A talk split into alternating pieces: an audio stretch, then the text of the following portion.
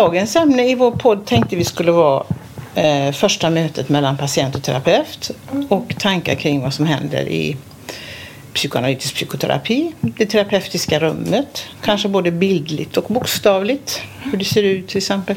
Och eh, eh, vi kommer att använda ordet patient, kanske en del undrar över, men det har att göra med att vi ligger under hälso och sjukvårdslagen som terapeuter och då använder vi det ordet. Men eh, när det gäller medicinsk vård annars. Men ordet patient kommer från pati som är latin och betyder den som lider. Samma ord som passion kommer också från ordet pati. Vilket är lite spännande eftersom vi kanske inte tänker att passionen innehåller något lidande. Men eh, det gör den nog. Och det knyter an till kanske väldigt mycket vad vi kommer att prata om i den här podden. Det som är både och, alltså ljus och mörker, hat och kärlek och så vidare. Att vi kommer att röra oss. Eller vad säger du Annika? Mm. Och jag tänker att, att det är ju många skäl som kan föra en till terapi. Och, och vårat sätt att tänka. Det finns ju en massa, en uppsjö av olika metoder och sätt i, inom terapiområdet. Men det här är vårt sätt att tänka. Och vi har jobbat länge och det känns bra att kunna förmedla lite kring det. Vad tänker vi? Mm. Hur, hur tänker vi kring det här? Och då är det så att när, eh, man kan ju börja fundera redan eh, innan mötet har skett.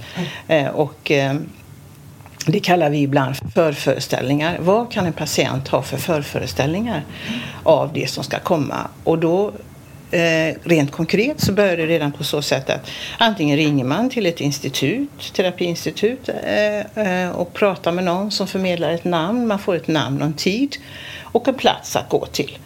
Eh, och eh, redan då kanske man får en tanke när man ser ett namn. Eh, man tänker direkt, oj, det här är nog en 50-åring, det här är nog en 30-åring.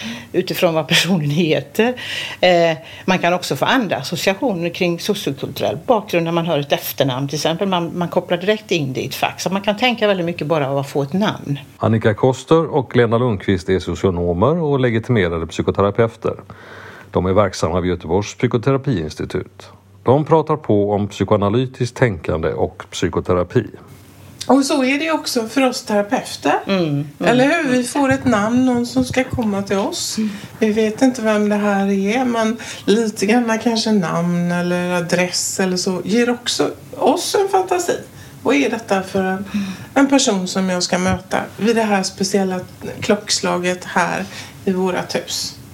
Vi kan ju säga det också att vi sitter i det huset som vi är i Göteborg.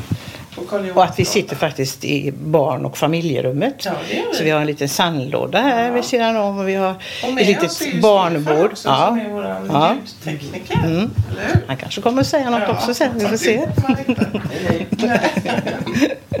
men, i, men i alla fall, så det här första mötet, Mm, mm. det är ju en ganska stor sak första gången man kommer till terapi. Och jag tänker att det här med vilken terapeut man ska möta. Alltså det finns ju väldigt många föreställningar om terapeuter. Jag tycker det är ganska intressant. Och man möter det i, via sina patienter. Det finns ju många bilder av Dels det här att man skulle vara en, en ständigt hummande gestalt. Eller hur? Eller att man är allvetande. Ja. Och det händer ju faktiskt när man går på fest och så. När man presenterar vad, vad det är man jobbar med. Att folk tror att man har röntgenblick. Eller är allvetande. Och det är vi ju inte Lena. Nej, absolut inte. Utan vi är ganska vanliga människor som går på våra fötter. Sen också har jag, stöter man på ibland den här bilden, den här liksom schablonbilden av en Gudrun Sjödén dräkt med stora kaf, kaftaner, eller jag på säga, med långa kjolar och långa. Och så är det ju inte heller alltid. Det finns väl en och annan. Och det kanske främsta föreställningen om den typen av terapi som vi jobbar med det är ju det här att vi pratar bara barndom, Ja, eller det hur? är ju en väldigt viktig fördom, för, fördom faktiskt. Ja. Eh, och absolut pratar vi ju barndom. Men så som vi brukar tänka här så finns ju alltid den historia vi har som människor. Den finns ju representerad i, vår, i ett nu. Här och nu i vårt liv. Mm. Och ibland är det ju saker och ting som stöt, ställer till problem för oss. Men det är ju inte så att vi ständigt pratar barndom. Mm. Eller? Nej, men vi kan väl säga så här att när man kommer till terapi hit så brukar vi, vi brukar kalla det för intervju Mm. men det är egentligen ett första samtal och då kanske vi säger så här att du kan väl berätta lite om din historia så att vi får någon form av överblick över hur det har varit Ja. tillbaka. Men sen är det ju patienten själv som knyter an till sin historia. Mm. Sen håller ju vi oss i nuet kan man säga. Visst. Så att det är en eh, föreställning man har om den här formen av terapi. Som att man skulle behöva rota i barndomen för dess egen skull. Att det är ett självändamål. Och det kan ju kännas lite kravfyllt då att tänka att nu måste jag komma in dit och vända ut och in på mig. Alltihopa. Men saker och ting sker ju i väldigt långsam takt Mm. i terapi hos oss. Därför att det är väl det som är vårt signum också. Alltså det här sättet att jobba. Det är att saker och ting tar form i, den, i en process. Och i en relation. Jag talar lite grann om eh, Nej, det kanske inte. Jag tänkte på de här föreställningarna att patienten har förhoppningar innan och farhågor Ja. kanske. Men det anknyter till det du har sagt Ja. lite grann. va? Att man har då naturligtvis eh, eh, farhågor om, apropå det, att inte bli sedd och förstådd. För det är det man längtar efter och kanske inte bli lyssnad till. Och, Mm. eh, att man har, patienten tänker sig att eh, kommer jag nu att eh, få eh, någon som orkar lyssna på mig? Kommer jag att- känna mig förstådd? Och kommer jag, kanske till och med kommer jag att bli älskad? Eh, eller, så att det är i djupare mening kanske man inte tänker det, men det kan det som finns för det är ett väldigt förtätat möte. Eh, och eh, jag tror att det kommer påverka mötet väldigt mycket. Att många som kommer första gången är ju väldigt, har ganska hög ångest.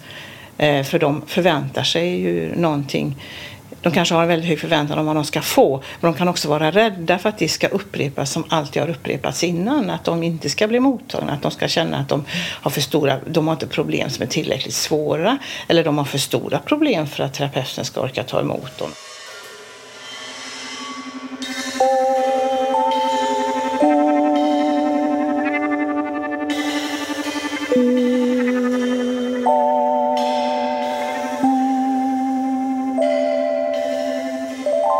Säger här nu, det är väl egentligen det du säger att, att när man kommer första mötet så har man med sig, hel, man har med sig hela sig själv och alla sina fantiserade relationer och alla sina verkliga relationer finns i första mötet. Och då när du, patienten träder in i rummet tänker jag så har den ju de här förföreställningarna som vi pratade om och de kommer ju nästan aldrig att bli, det är ju sällan de liksom Eh, känns som att de blir uppfyllda utan det är någonting annat jag möter det blir en omställning bara där som du sa. Du var äldre, du var yngre, du var något annat men han hade föreställt sig. Du betedde dig på ett annat sätt som terapeut. Så man får, det, det, redan det, men det är ändå kanske ganska viktigt första mötet hur det känns och det, det här är ju väldigt svårt att prata om för det är en kvalitet i relation. Det kan ju börja redan i väntrummet. Jag gör så till exempel att jag tar alltid hand första gången. Men sen gör jag inte det mer. Alltså, jag vet inte varför jag har bestämt mig för att göra det. Det gör vi kanske olika. Det är jag som är och så säger jag mitt namn och så går man in i rummet. Det är den enda beröringen som sker. Men det är första gången. Det är ett sätt att ta emot någon. Eh, man går in i ett rum, sätter sig som ser ut på ett visst sätt. Och sen gör ju du som terapeut. Första gången måste du ju börja. Och då, då slår du an en ton. Och då eh, säger du kanske till exempel Ja, vad är det som för dig hit? Vad är, vad är du bekymrad över? Ja, Och då beror det på hur man säger det också. Så det kommer ju också påverka. Så det händer ju väldigt mycket första sekunderna. där. Och, och under det första mötet för mig som terapeut så är det ju viktigt att veta eller att öppna upp. Att vara så vid som möjligt så att personen som kommer får lov att presentera sig på sitt sätt. Vad är det som bekymrar? Hur ser livet ut? Hur, Vad är det man liksom... Och att, precis som du säger Lena, att man har det väldigt öppet där Mm. första gången. Och gör sig så blank som man kan. Ja. Alltså förutsättningslös. Och förhoppningsvis så känner sig ju personen mottagen Mm. och lyssnad till. Att, det, att det är det som sätts igång redan första gången. Att, man, att personen känner att här finns någon som har ett lyssnande öra.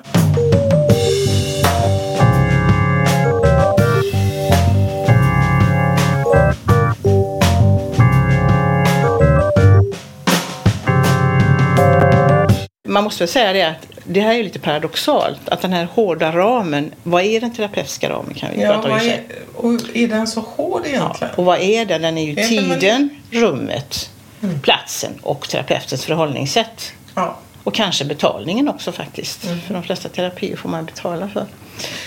Och det är ju något väldigt skönt, tänker jag. Eller skönt, men det är ju något bra när man kommer som patient. Att det finns en ram. Du, vi pratar om det här. Att den är så strikt som den är. Det innebär ju att jag kan lita på att den terapeut jag går till inte kliver över några ramar. Och det är ju att känna sig trygg inne i ett rum. Att det här är mitt rum. Här kan jag prata om det jag behöver. Utan att på det sättet ta hänsyn till, som du säger, det här, eh, ta hand om min terapeut på ett sånt sätt. Utan att personen, terapeuten sitter där för att ta emot vad jag kommer med. Det var förfärligt konstig miljö och spännande pirr sådär liksom. Samtidigt så vet jag att när man är 21 år och inte börjat nysta i någonting och jag vet att jag pratade första gången om min farmor liksom. Och det var väl inte riktigt pudelns kärna om man säger så. Men någonstans måste man ju börja. Jag tänkte på alla frågor han ställt och det började väcka tankar. Och tiden är ju väldigt viktig. För att jag vet, det säger vi ju första gången, vi kommer att hålla på i 45-50 minuter. En del jobbar på 45 minuter, en del på 50. Vi kommer att hålla på i 45 minuter. Det vet patienten redan från början. Det vill säga man vet när man kommer ut. Det kanske låter lite. Och både patient och terapeut vet när de kommer ut. Och det är det fantastiska med ramen tror jag. För det öppnar upp för att helt plötsligt kunna berätta saker som man aldrig har berättat för någon. Därför man vet att man kommer därifrån. Och vi handleder ju mycket, jag och du också. När man handleder så brukar man även till socialarbetare så säga det att det är väldigt viktigt med ramen där också. Om du gör ett hembesök, att de familjen vet när du ska åka därifrån. Det ger en trygghet. Jag vet att det är ändligt, annars kanske det skulle kunna vara så här också. Det kommer en patient som aldrig haft kontakt med terapi. De kanske tror att de ska sitta i tre timmar. Men det, det är inte självklart. Man, man, det kan hända att man får information från om man har en ex- expedition och så redan innan. Men det är inte säkert att det är självklart. Och då finns det ju en oro hela tiden. Hur länge ska jag prata? Hur mycket tid får jag? Så Allt detta finns ju då. Så det ändå upplever ju patienten att det är väldigt kort. Mm.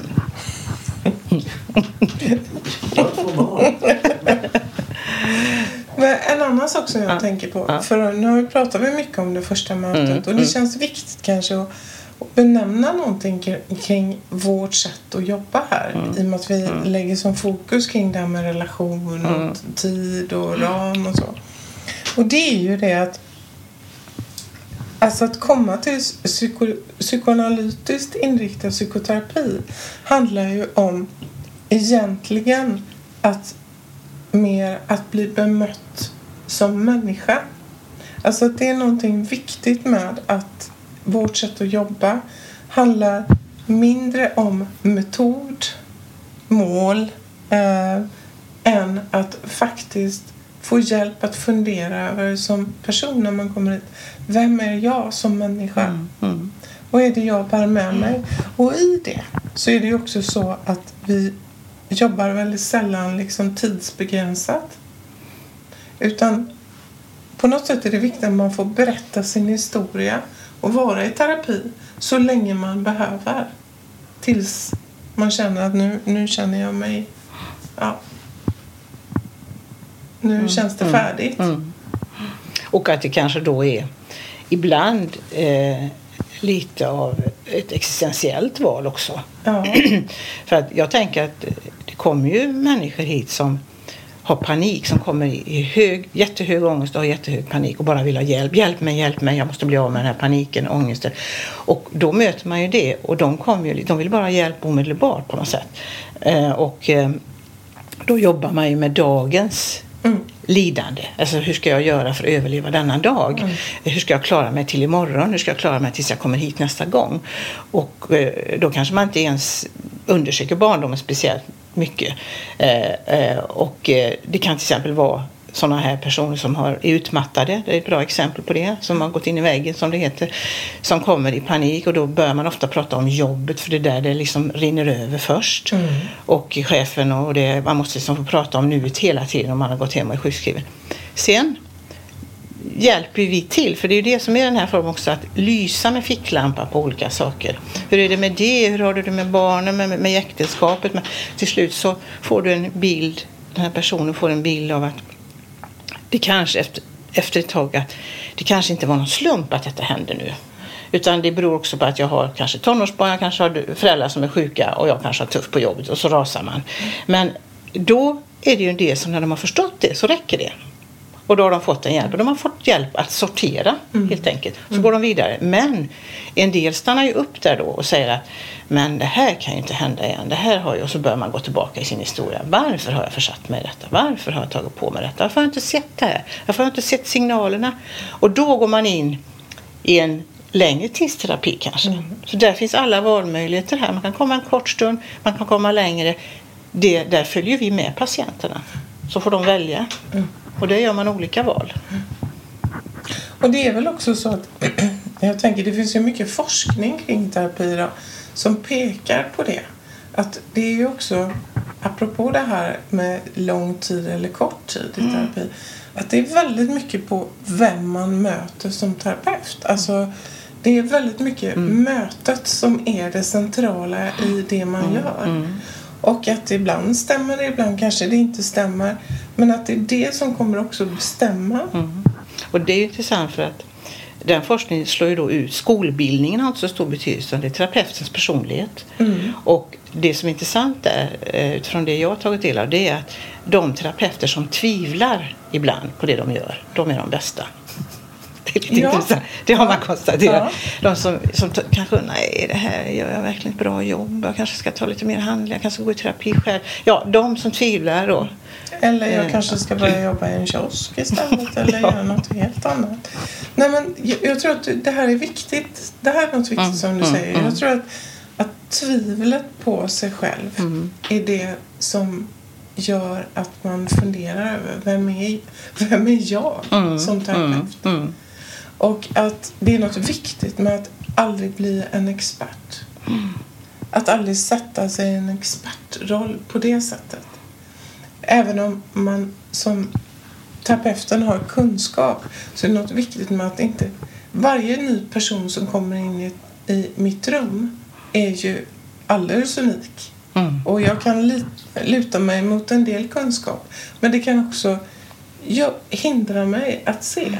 För det är också viktigt att tänka, nej men jag vet inte allt. Nej, att, in, att stå ut med att man inte förstår. Ja, och det är väldigt mycket det som är jobbet, tänker jag. Att stå ut med allt man inte förstår tills man förstår lite mer. Mm. Och det är det, det finns ju ett begrepp för det. Vad är det det heter? Eh, Negativ eh, Poäng. capability. Ja. Ja. Att stå ut med att inte veta. Negativ förmåga. Mm. Och det är naturligtvis jättesvårt. Ja. Och det är svårare Ja. när man är ny och ung i det här jobbet än när man har jobbat längre. Ja.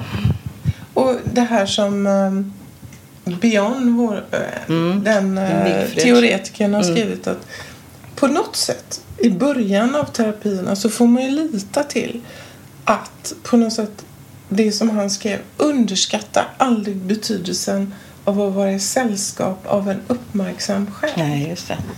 Att ha blicken Mm. fäst på någon, en annan persons inre Mm. har en enorm betydelse. Och det räcker väldigt långt. Ja. Eh, och eh, jag brukar säga ibland att det som är eh, specifikt för det här mötet som är väldigt speciellt det är att det är två som håller på med en. Därför att det måste vi ju säga också, att det här är ju ingen jämlik relation. I den meningen att nu pratar jag en stund om mina problem och så får du prata en stund och så byter vi som man gör i sociala relationer. Utan jag är ju aldrig privat. Det är oerhört viktigt. Men jag kan vara personlig. Jag kan liksom indirekt visa min personlighet naturligtvis och så.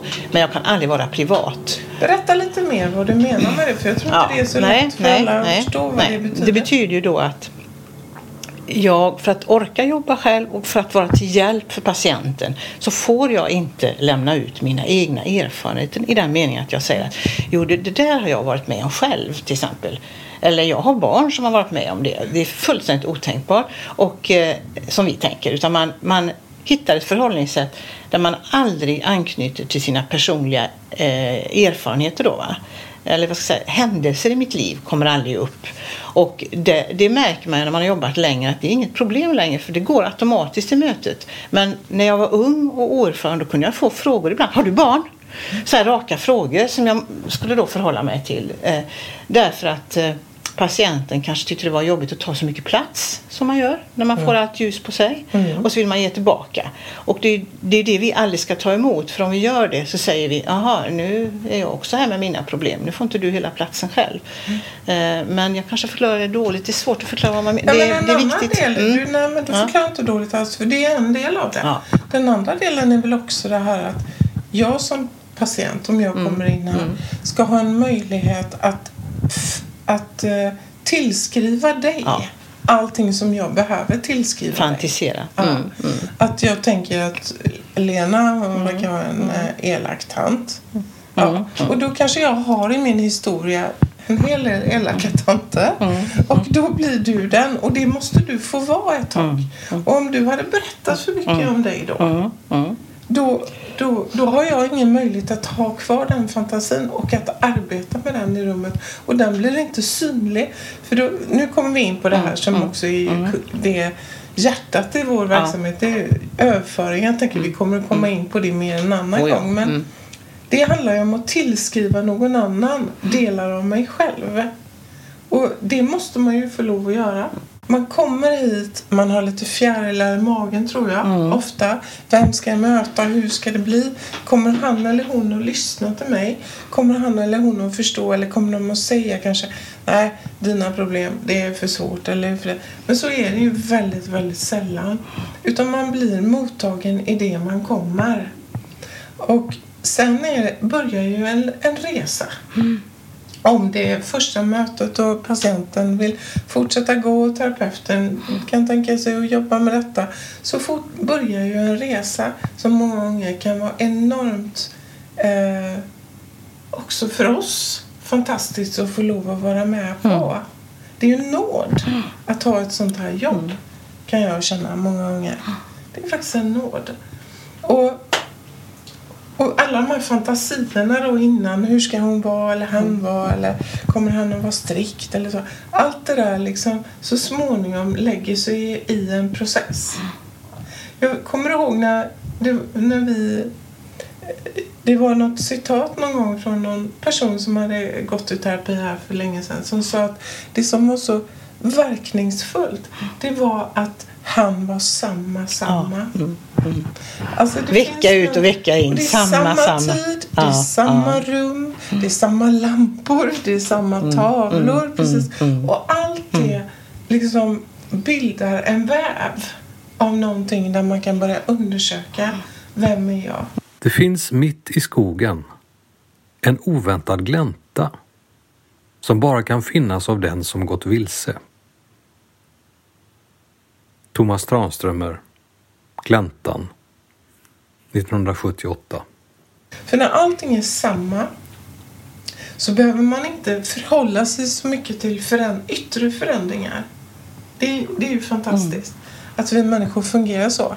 Och det är ju någonting, apropå barndom, som också kommer från när vi är små. Mm. Som Winnicott skrev, en annan av de teoretiker som vi gillar här. Han skrev ju det att rikedom i en människas liv är baserat på monotoni. Mm. Det vill säga att när små barn eh, behöver struktur, samma matningsprocedurer ungefär på samma sätt, mm. läggdags ungefär mm. vid samma sätt. Att det bildar en inre väv som håller oss när oförutsedda saker senare mm. händer i livet. Och på något sätt så utan att på något sätt syssla med barnarbete här eller barn, mm. jobba med barn Det gör vi också. Men Mm. även med vuxna så bildar det ju en sån väv. Ramen och... Därför att det är det här ursprungsbarnet som kommer hit egentligen. Även om inte man tänker så själv som patient så är det barnet som nu... det har kommit ett barnstråk upp som gör att jag har fått ett lidande, jag mår inte bra och det är det som kommer hit. Så att på något sätt är det ju en mor-barn eller far-barn situation från början. Det här med, och då påminner det väldigt mycket om den här första anknytningen också när man kommer hit. Första anknytningen ser ut, första kontakten. Eh, att... Eh, eh, tappade jag bort vad jag skulle säga men... Eh, Ja, men det är ju väldigt mycket det som är grunden. jo, det här med mor, att, eh, att det handlar ju väldigt mycket, och det är ett ord som vi använder väldigt mycket, härbärgerande eller container. Att det är det som det terapeutiska rummet gör, där terapeuten ingår. Att man ger det här, den här känslan av att här är allt ljus på dig. Och här är jag till för dig. Det är det du betalar för. Det, är det, du kommer, det här är jag till för dig. Och det väcker ju till liv den här första föräldrar-barnrelationen väldigt, väldigt starkt. Så att känner patienten så redan första gången så kommer den tillbaka. Eh, att, och det är det som kanske är det som kostar oss. Att vi måste vara till för den andra. Vi måste vara öppna som du säger och sitta där och ta emot och härbärgera och tala om att jag orkar lyssna. Indirekt tala om att man kommer orka lyssna på det värsta som kommer. Man, inte, inte, man kan prata om vad som helst. Och egentligen är det ju faktiskt så att jag tänker ju mer och mer eller så här, att det här sättet som vi jobbar på att, att någon annan fäster hela sin uppmärksamhet på en om man själv går i terapi eller, eller en patient kommer hit. Det är väldigt ovanligt idag. Ja. Att få all uppmärksamhet fäst på sig. Att någon lyssnar utan att komma med kloka råd. Utan att liksom för tidigt säga men du kanske kan göra så eller så. För det är det vi inte gör. Vi säger vi ger inte gör råd. så Nej. och så. Och det, jag tänker att det är väldigt skönt. Och det kommer jag tror alla har i sin barndom liksom upplevelser av när man vill att berätta någonting. Och så säger föräldern eller fröken eller någon, ja men gör så och så. Mm. Och hur det där är så ehm, viktigt att låta människor komma till tals utifrån sitt eget sätt. Och det är faktiskt inte så många platser i, idag. Jag tänker vi ska vara flexibla vi människor. Vi ska vara öppna för nya möjligheter hela tiden. Vi ska vara målinriktade. Vi ska mm, jobba i stora liksom, såna här, eh, landskap kontorslandskap utan att ha en fast punkt. Jag tänker att det är väldigt välgörande för en människa att komma till en annan människa som ställer sitt inre till förfogande. Mm. Det är ganska... Det är en, det är en unik, unik situation egentligen. Ja, Och påminner bara om, tänker jag, första ja, eh, tidig spädbarn när vi måste sätta att när föräldrarna måste bordlägga allting för det lilla barnets skull. Det är en tid i livet, kanske ett halvår, ett år. Sen så börjar det desillusioneras. Och det, det väcker till liv det. Så vi sitter ju väldigt mycket med den, det mötet. Och det är det som gör att det väcker så mycket. Eh, en terapisession på 45 minuter i tid är det ingenting. Va? Men i och med att man har det här förhållningssättet så redan från början så sätter det igång någonting i, va, i varje människa. Det vet vi, för vi har ju också gått i terapi, vi vet ju vad som händer. Du, du borrar dig ner till din kärnproblematik oavsett om du talar om den eller inte. Så det är inte bara orden. Nej. Utan det är det här, det, det är väl Winnicott som talar om det här med det här varaktigheten va? med impingement och det här att liksom barnet behöver det här, ja det du säger, det ständiga samma, samma, det här lugna utan för mycket avbrott eller liksom avklippta situationer, va? Ett, fl- ett flöde. Och det är varje vecka samma person, samma situation. ja, om man ska föra upp det som jag är inne på lite på ett samhälleligt plan så tänker jag att, att idag så är det också så att det här med relationens betydelse. Alla är ju överens om att relationer har betydelse och vi har alla nära relationer i våra liv för det måste vi ha för att kunna liksom fungera som människor. Och samtidigt ser vi ju mycket när vi handleder och så att det finns många olika, alltså att det, människor flyttar på sig väldigt mycket nu i arbetslivet, kanske på, inom skola, socialtjänst som vi har pratat om. Och att det har betydelse för människor. Att, det, att, det, att det finns dåligt med kontinuitet ibland. Och där kan vi väl vara lite kritiska mot många av de här samhälleliga institutionerna därför att de har ju väldigt mycket det här funktionssynen. Va? En funktion. Vi kan sätta in en vem som helst på den här funktionen, det spelar ingen roll. Men det gör det ju. Det gör det i skolan, det gör det i vården, det gör det i äldreomsorg, det gör det överallt. Att det är inte bara att byta ut människor Nej. och som ska göra samma sak. För att en relation, man kan få en fin relation med den nya personen också, det är inte det. Men det är att börja en ny relation. Mm. Och relationens betydelse är väldigt eh, vi pratar om det som du säger men det ges inte så stor betydelse i organisationerna utanför.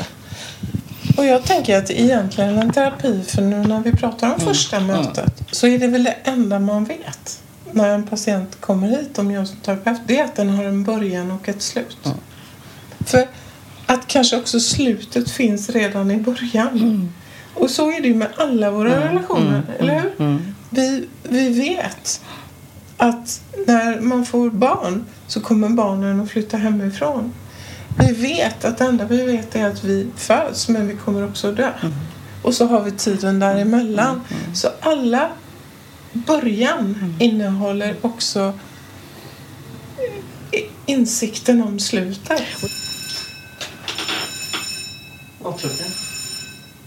Skojar du? Är det brandlarmet? Ja. forever.